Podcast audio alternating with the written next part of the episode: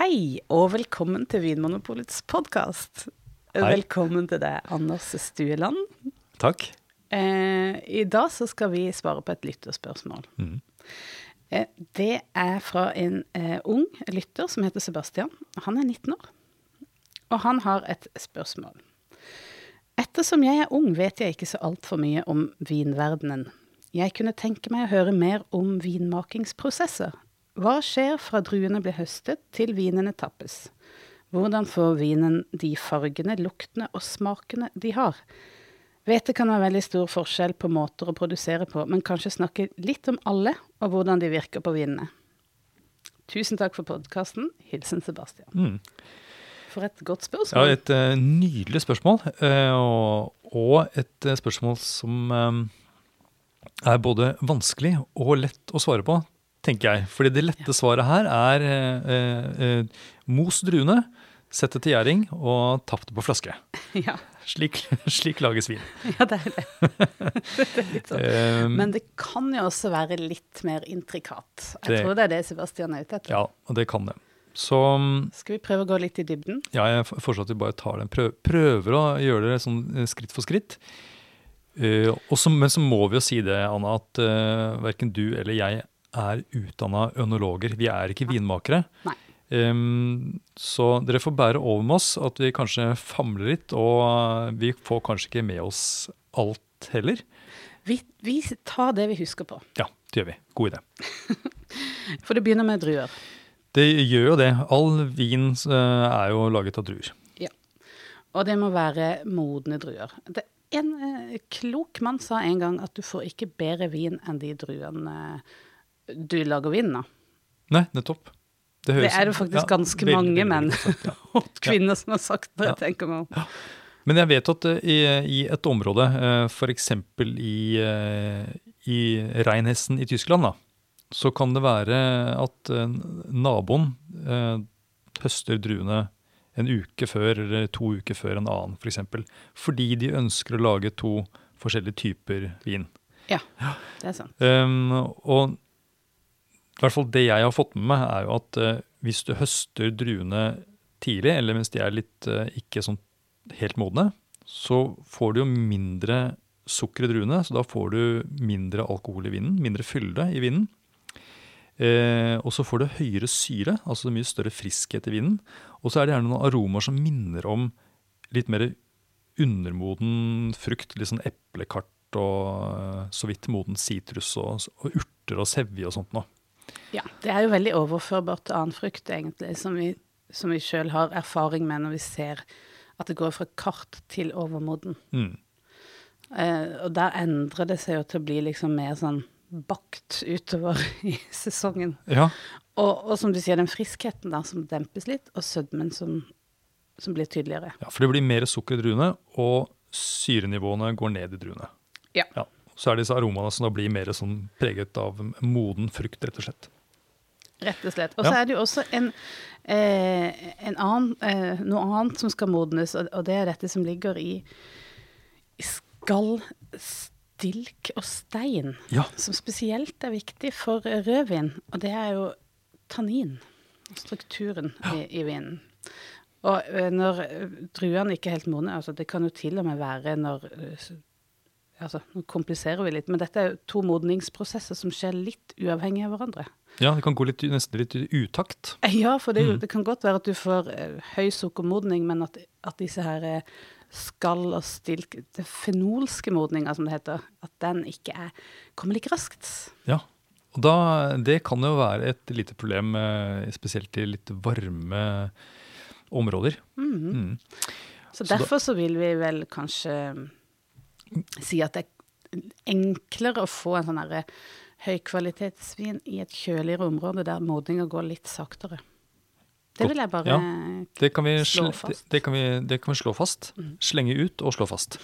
um, jeg har jo også sett uh, og prøvd det selv uh, i vinmarkene. så ta ut steinene av druene. Jeg ser vinmakere gjør det. og Så ser de først på fargen. Hvis, sånn, hvis, de er grønne, så er det et tegn på at den fenolske modningen kanskje ikke er helt i mål. Men hvis de begynner å bli uh, brune, eller marron, som de sier i Frankrike, så er, måte, er, de mer modne. Og da er tanninene også litt bløtere, på en måte. Du kjenner at det er snerpende, men de er litt, virker mer sånn finkorna.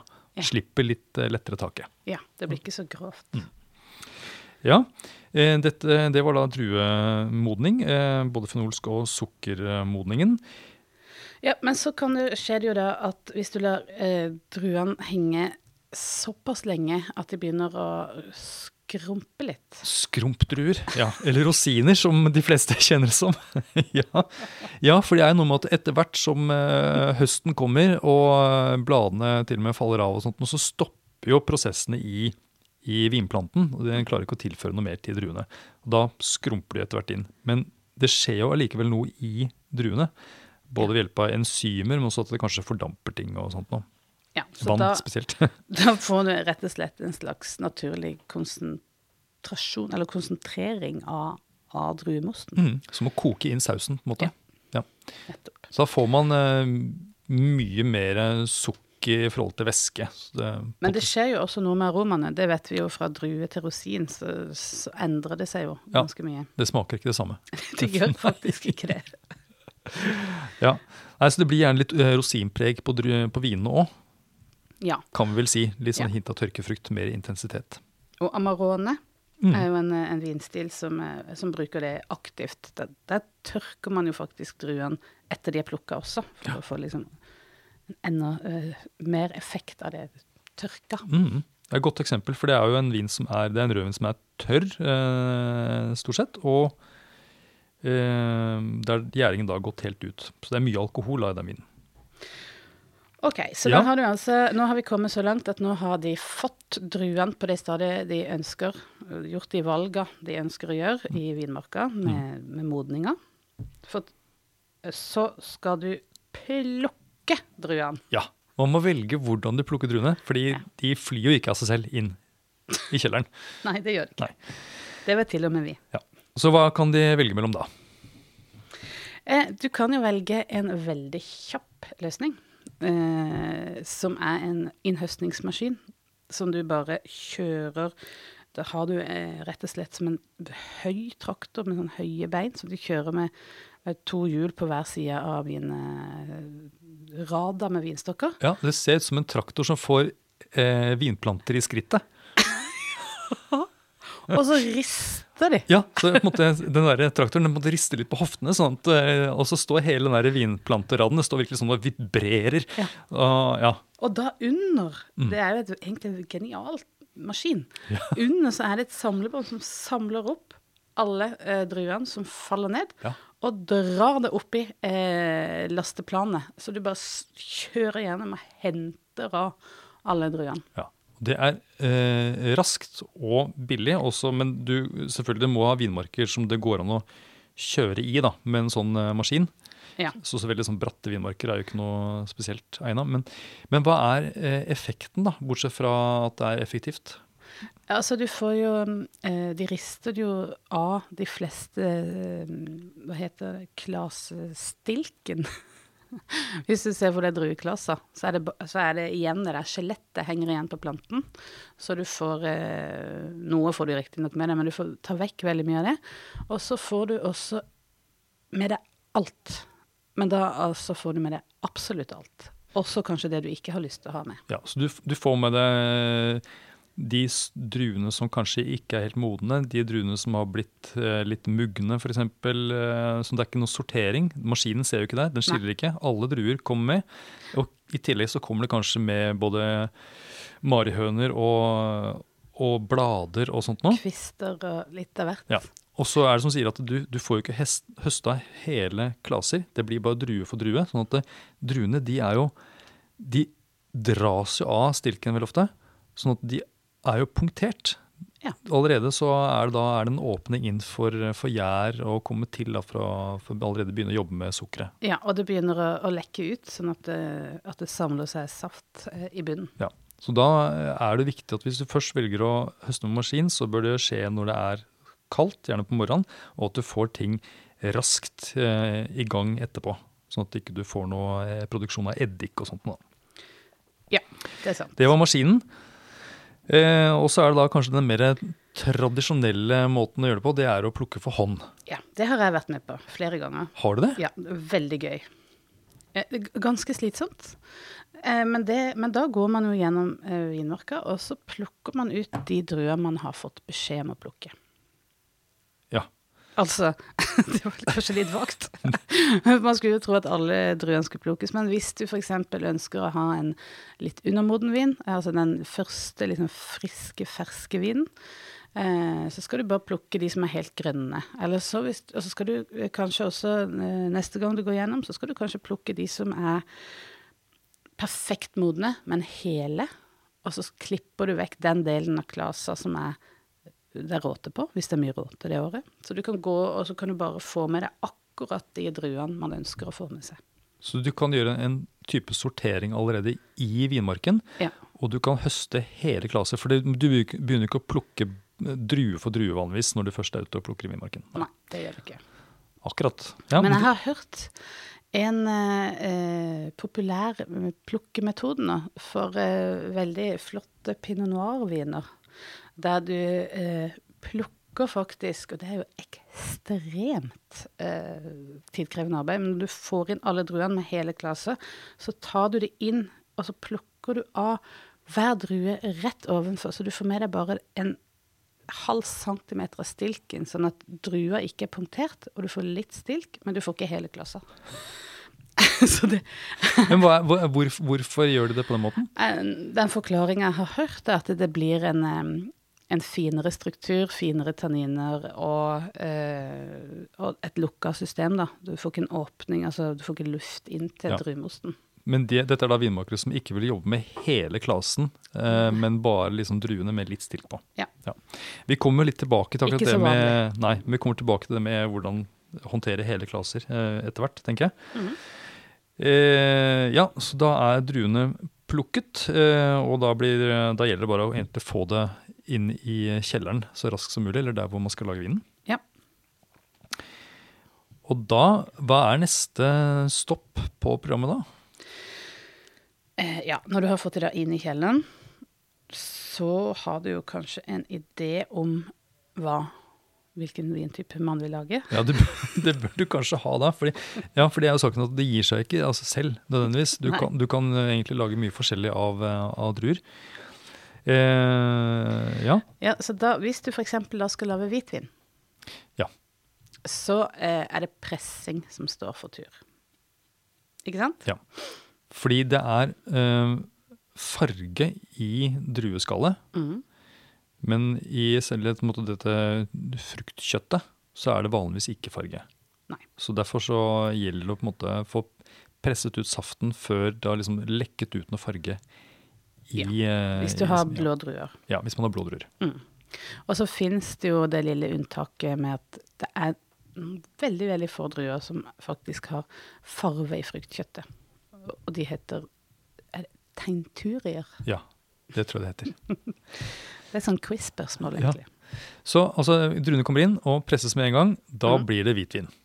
Da blir det hvitvin. Da blir det hvitvin. Og så fins det litt forskjellige typer presser. Eh, og da er det vel de moderne pressene med sånn der, nesten som en sånn stor ballong inni pressen. Ja. Som presser da liksom litt forsiktig. og Sånn at eh, de har litt kontroll på sånn hvor mye ja, snerp som eventuelt kommer ut. Ja. Mm. Eh, men eh, hvis da produsenten velger å ikke presse med en gang, Ja, da kan du f.eks. hvis du vil lage da en rosévin, ja, så ønsker du at du skal ha litt kontakt mellom osten og mellom eh, skallet. Så da eh, må du knuse druene lett, sånn at du faktisk får litt eh, saft som kan blande seg med, med mosten. Og så ligger de og gasser seg sammen. så, så skal drueskallet på en måte, er på en måte litt Trekker Løser ut. seg litt opp i liksom eh, safta. Ja. Litt sånn som å trekke en, en, en tepose i vannet, på en måte. Ja. Ja. Og det kan jo gå ganske fort uh, for å få rosévin. Det kan gå i løpet av noen timer. Så har du fått satt farve på Kommer litt an på druetype, da. Hvem Mm. som, hvor mye farvestoff det er i den. Uh, men um, så når du da har fått uh, satt litt farve på, så kan du presse og, og fortsette med den skille vekk skall og steiner og stilk. Nettopp. Så da er det egentlig mulig for en rosévinprodusent å bare ha druene i pressa, starte pressingen, og så på en måte bare stoppe opp etter at de er knust, og så la det på en måte eh, godgjøre seg litt, og så fortsette pressingen. Ja. Det kan gjøres såpass enkelt. Det kan. Jeg har til og med sett noen som plukker i en, eh, en svær tilhenger med en slags kvern i bunnen, så du bare kverner det litt på veien hjem på gården, på en måte. Jøss. Ja. Mm. Ja. Um, Yes. eh, en type pressing vi ikke har snakket om, er jo fottråkking. Ja. Det Men håndplukking har vi vært borti, men fottråkking. Det er jo en metode som er litt utdatert, men noen bruker det fremdeles, og det er vel mest for show, er det ikke det? Jo, på en måte. Jeg har vært med på det òg. Ja. har, har ikke du? Jo, jeg har gjort det. Jeg har også tråkket Det er jo ganske deilig. Men det er jo kanskje litt mer sånn vinturisme. Ja. Men eh, poenget da med, eller det man tenker er bra med fottråkking, er jo at det er en veldig skånsom måte å presse druene. Ja. Um, så, men det får man altså da til med moderne presser også. Ja, det er jo Ja. til og med i, I Portugal har de jo vært veldig opptatt av dette med fottråkking. Og de har jo til og med lagd maskiner som etterligner fotblader tråkker, for å få den skånsomme pressinga. Ja.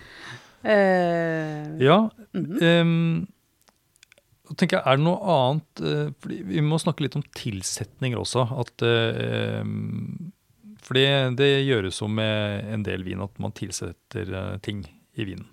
Ja. Og for å få ut mer av druene, så er det mulig å tilsette enzymer Mhm. som bryter ned eh, Det er spesielt pektin, det er en sånn type form for stivelse som finnes i druene, som gjør at den slipper mer saft, sånn at du får mer vin ut av, eh, av druene dine. Ja. Og enzymer er jo ikke sånn kjempegode i eh, Er det kjemi, eller er det fysikk? Nei, det blir vel kjemi, ja. men, men sånn jeg har forstått det, så er enzymer som en slags katalysator. Noe som får noe til å skje. Mm. Det er ikke nødvendigvis en tilsetning at du, du tilsetter jo ikke Altså du trekker jo ikke ut noe, men du, du tilsetter noe som får en reaksjon til å skje. Ja. Det er en, eh, som en nøkkel, på en måte. Den Ja. låser opp noe. Mm. Eh, Men så er det vel ikke så uvanlig å tilsette litt svovel også i, i denne delen av prosessen. At du enten ved, når du på en måte skal frakte druene inn før Mm. pressing, så har man kanskje litt svovel på for å hindre at det begynner å gjære eller at det skjer noe oksidasjon. Eh, ja, eh, vi har snakket om hvitvin som da presses med en gang, og rosévinen som da presses litt sånn sakte, men sikkert, eventuelt ligger litt. Eh, men hvis du da vil lage rødvin eller oransjevin, Mhm. eh, så må du gjøre det på en litt annen måte. Da kan du ikke presse med en gang. Nei, for da mister du jo farge og tannin, som du ønsker i både eh, rødvin og oransjevin. Så da må du jo eh, få starte med den knusinga, som vi var inne på. Ja. Sånn at du får litt eh, most. Eh, sånn at mosten og, eh, og druene egentlig eh, ligger sammen. Og da er det jo som en suppe med, med drueklumper oppi. Ja. Og så må du hele tida, for da ønsker jo disse eh, drueskallene de, eh, de flyter opp. Ja, det flyter. Så det blir en sånn, på en sånn tykk uh, guffe som ligger som på toppen, og så Mm. ligger det mer uh, vin eller på en måte most Ja. lenger ned.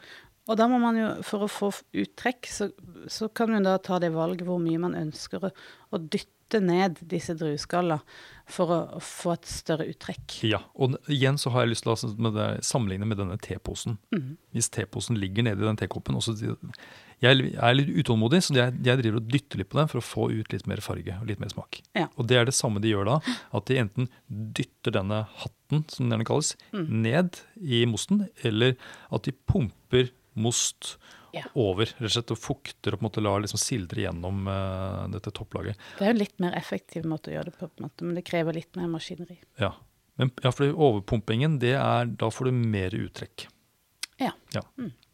Det er vel det jeg også har hørt, eh, både av da farge, men også eh, tannin. Dette som på en måte stoffet som snerper.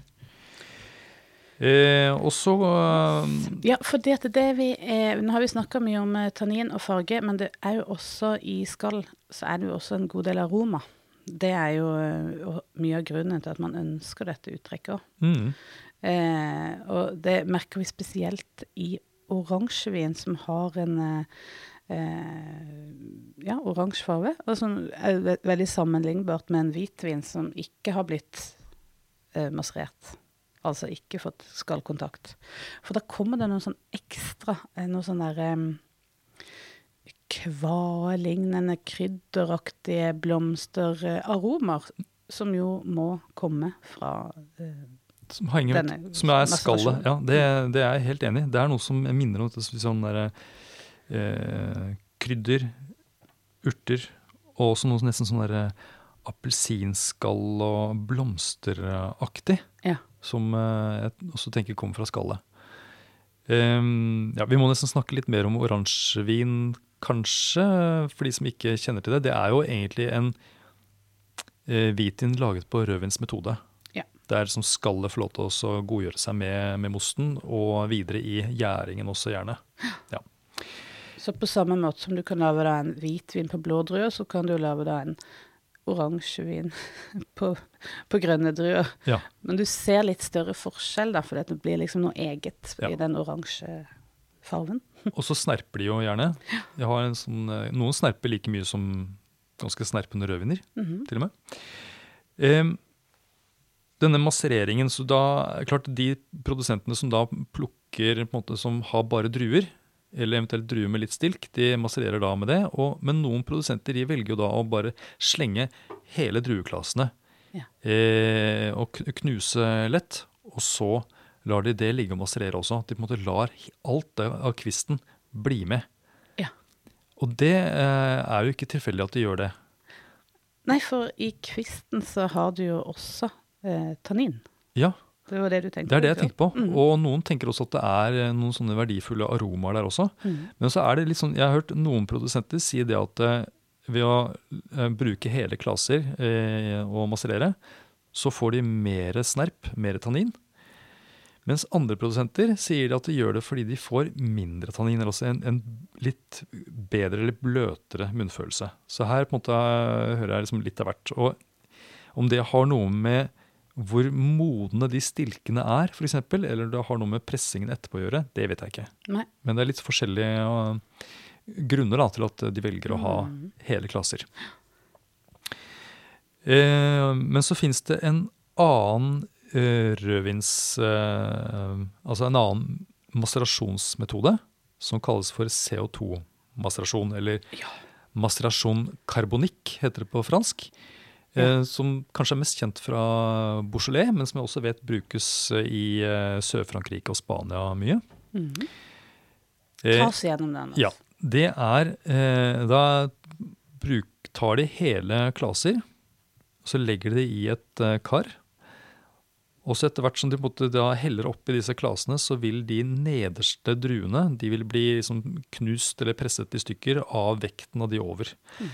Og da begynner det rett og slett å gjære i, eh, i denne saften som renner ut. Og så i denne gjæringen så dannes det karbondioksid, CO2, som da vil legge seg som sånt, For da lukker man igjen eh, denne tanken, sånn at ikke denne CO2-en slipper ut. Så vil det legge seg da, da som et, sånt, eh, et eh, teppe over, og hindre at det kommer til eh, oksygen. Og det som skjer da i de druene som ikke er knust, det er da en, en, sånn, en sånn enzymatisk eh, prosess, altså enzymer i sving som finnes naturlig i druene, som da starter en, eh, en form for eh, gjæring faktisk inne i, i druen, sånn at du får litt alkohol, men du får også eh, en litt sånn rundere munnfølelse av det, og eh, får ut mer farge uten at du får ut så mye tannin. Så det er en metode for å få på en måte en eh, fruktig rødvin med mer farge og en bløt munnfølelse. Da brukes da denne CO2-maserasjonen. Ja, nettopp. Mm. Men vil du si at det er like mye en gjæring som en eh, menstruasjon, da, eller? Ja, det blir jo da en kombinasjon, egentlig. Mm. Mm. Gjør det samtidig. Ja. Og så, så presses da eh, dette her, eller det på en måte kan eh, gjære videre på, sånn på vanlig, vanlig vis før det presses. Mm. Ja. Det var eh, CO2-maserasjonen. Og så er det også noe som heter kald maserasjon, eller Ja. cold soak, eh, er det sånn i, når man ser det i vinlitteratur. Mm. Eh, Og det handler jo om eh, akkurat det ordet sier. Eh, og det er jo eh, for hvitviner, da. ja, nettopp. Ja, så nå hopper vi tilbake til hvitvinsproduksjon. Ja. Så da har du druene, men så ønsker du også få ut noen av de positive eh, tinga fra eh, skall og, og stilk. Så du har eh, eh, knust det litt. Eh, og det ligger sammen som en masserasjon, men du, da er det viktig å passe på at, eh, at, det er litt, at ikke det er optimale forhold for jern. Da. Så f.eks. litt kjøligere. Her kan du også legge over litt eh, tørris eller, eh, eller svovel, for å bare sørge for at dette her er masserasjon, det er ikke gjæring. I kanskje natta over, og så har du trukket ut en del eh, struktur og aroma. Ja, som godstoffer. Det er litt, det er litt ekstra. Og jeg, jeg tenker at eh, de vinene som har fått litt av den der gjerne har noe, en sånn liten sånn fin ruhet i, i munnen også. I tillegg til eh, litt mer aroma. Og det tenker jeg ofte eh, Det er jo ikke en teknikk man bruker på eh, viner som man plukker tidlig, og som skal være enkle, friske, unge viner sånn for eh, bare sånn raskt konsum. Dette er jo gjerne de hvitvinene man legger ned litt ekstra i. Det må ha litt høyere modning på druer for å, å kunne gjøre det. Ja, nettopp. Nettopp pga. den eh, fenolske eh, modninga også. Ja. Og så har jeg hørt at i noen årganger der det er veldig mye syre i druene, så er det en måte å håndtere, altså få ned syrenivået er også å bruke kald eh, massasjon, fordi det er kalium i drueskallet som et, måtte vil binde seg med noe av syra, sånn at den felles ut. Sånn at du på en måte får redusert syra i vinen. Nettopp. Ja, eh, det var eh, litt om masterasjon. litt grann. det, altså Når man begynner sånn å så prate seg gjennom ting, så, så er det jo ganske mye. Det er mange, mange valg. Ja, ja, det er ikke rart at det er lange utdannelser for å bli vinmaker, og at dette her er kunnskap som går i arv. Ja.